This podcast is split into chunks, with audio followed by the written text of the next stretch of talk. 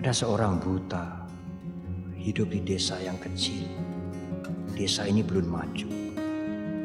Kalau malam juga gelap. Orang buta ini tidak bisa melihat sesuatu. Sinar bentuk-bentuk tidak bisa.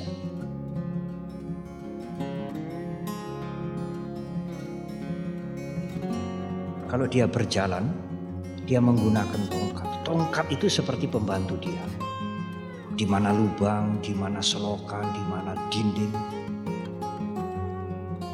Kalau malam terpaksa dia keluar, tangan kanan membawa tongkat, tangan kiri membawa lampu.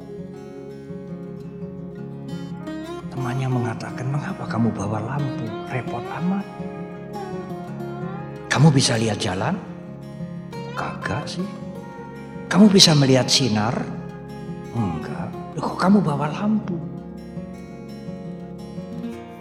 Orang buta ini mengatakan, kalau saya membawa lampu, saya tidak ditabrak orang lain.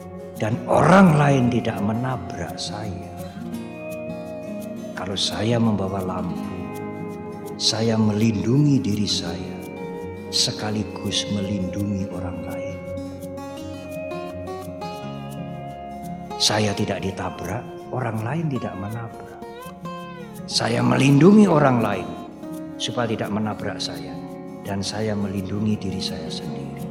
Apalagi kalau ada orang yang ikut berjalan bersama saya, dia ikut mendapatkan penerangan.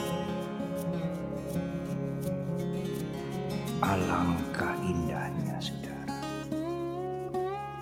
Orang buta